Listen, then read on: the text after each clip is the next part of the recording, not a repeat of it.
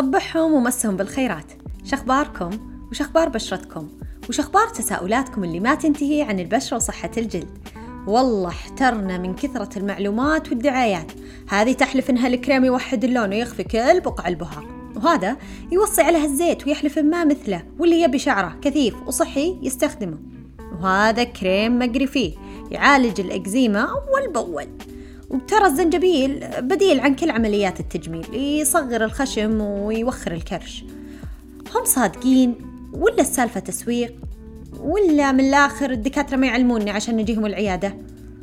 طيب طيب الإكزيما لها علاقة بالأكل الصدفية ممكن تطيب؟ أثر حب الشباب مطفشني وش الحل؟ وبعدين مع تساقط الشعر وين أروح؟ بيني وبينكم البوتوكس يسبب ترهلات بعدين؟ من وين نلقى كل هالإجابات؟ أنا روان التويجري طبيبة جلدية. وفي بودكاست شخبار بشرتك راح نحرص إننا نجيب لكم الخبرة من الخبراء وراح نسولف مع دكاترتكم اللي تثقون فيهم بطريقة بسيطة وسهلة ونجيب على كل تساؤلاتكم. أقدم هذا البودكاست من منطلق حس مجتمعي ورغبة في تثقيف مجتمع واعي وحريص على صحته. ترقبوا حلقاتنا. حافظكم الله. Thank you.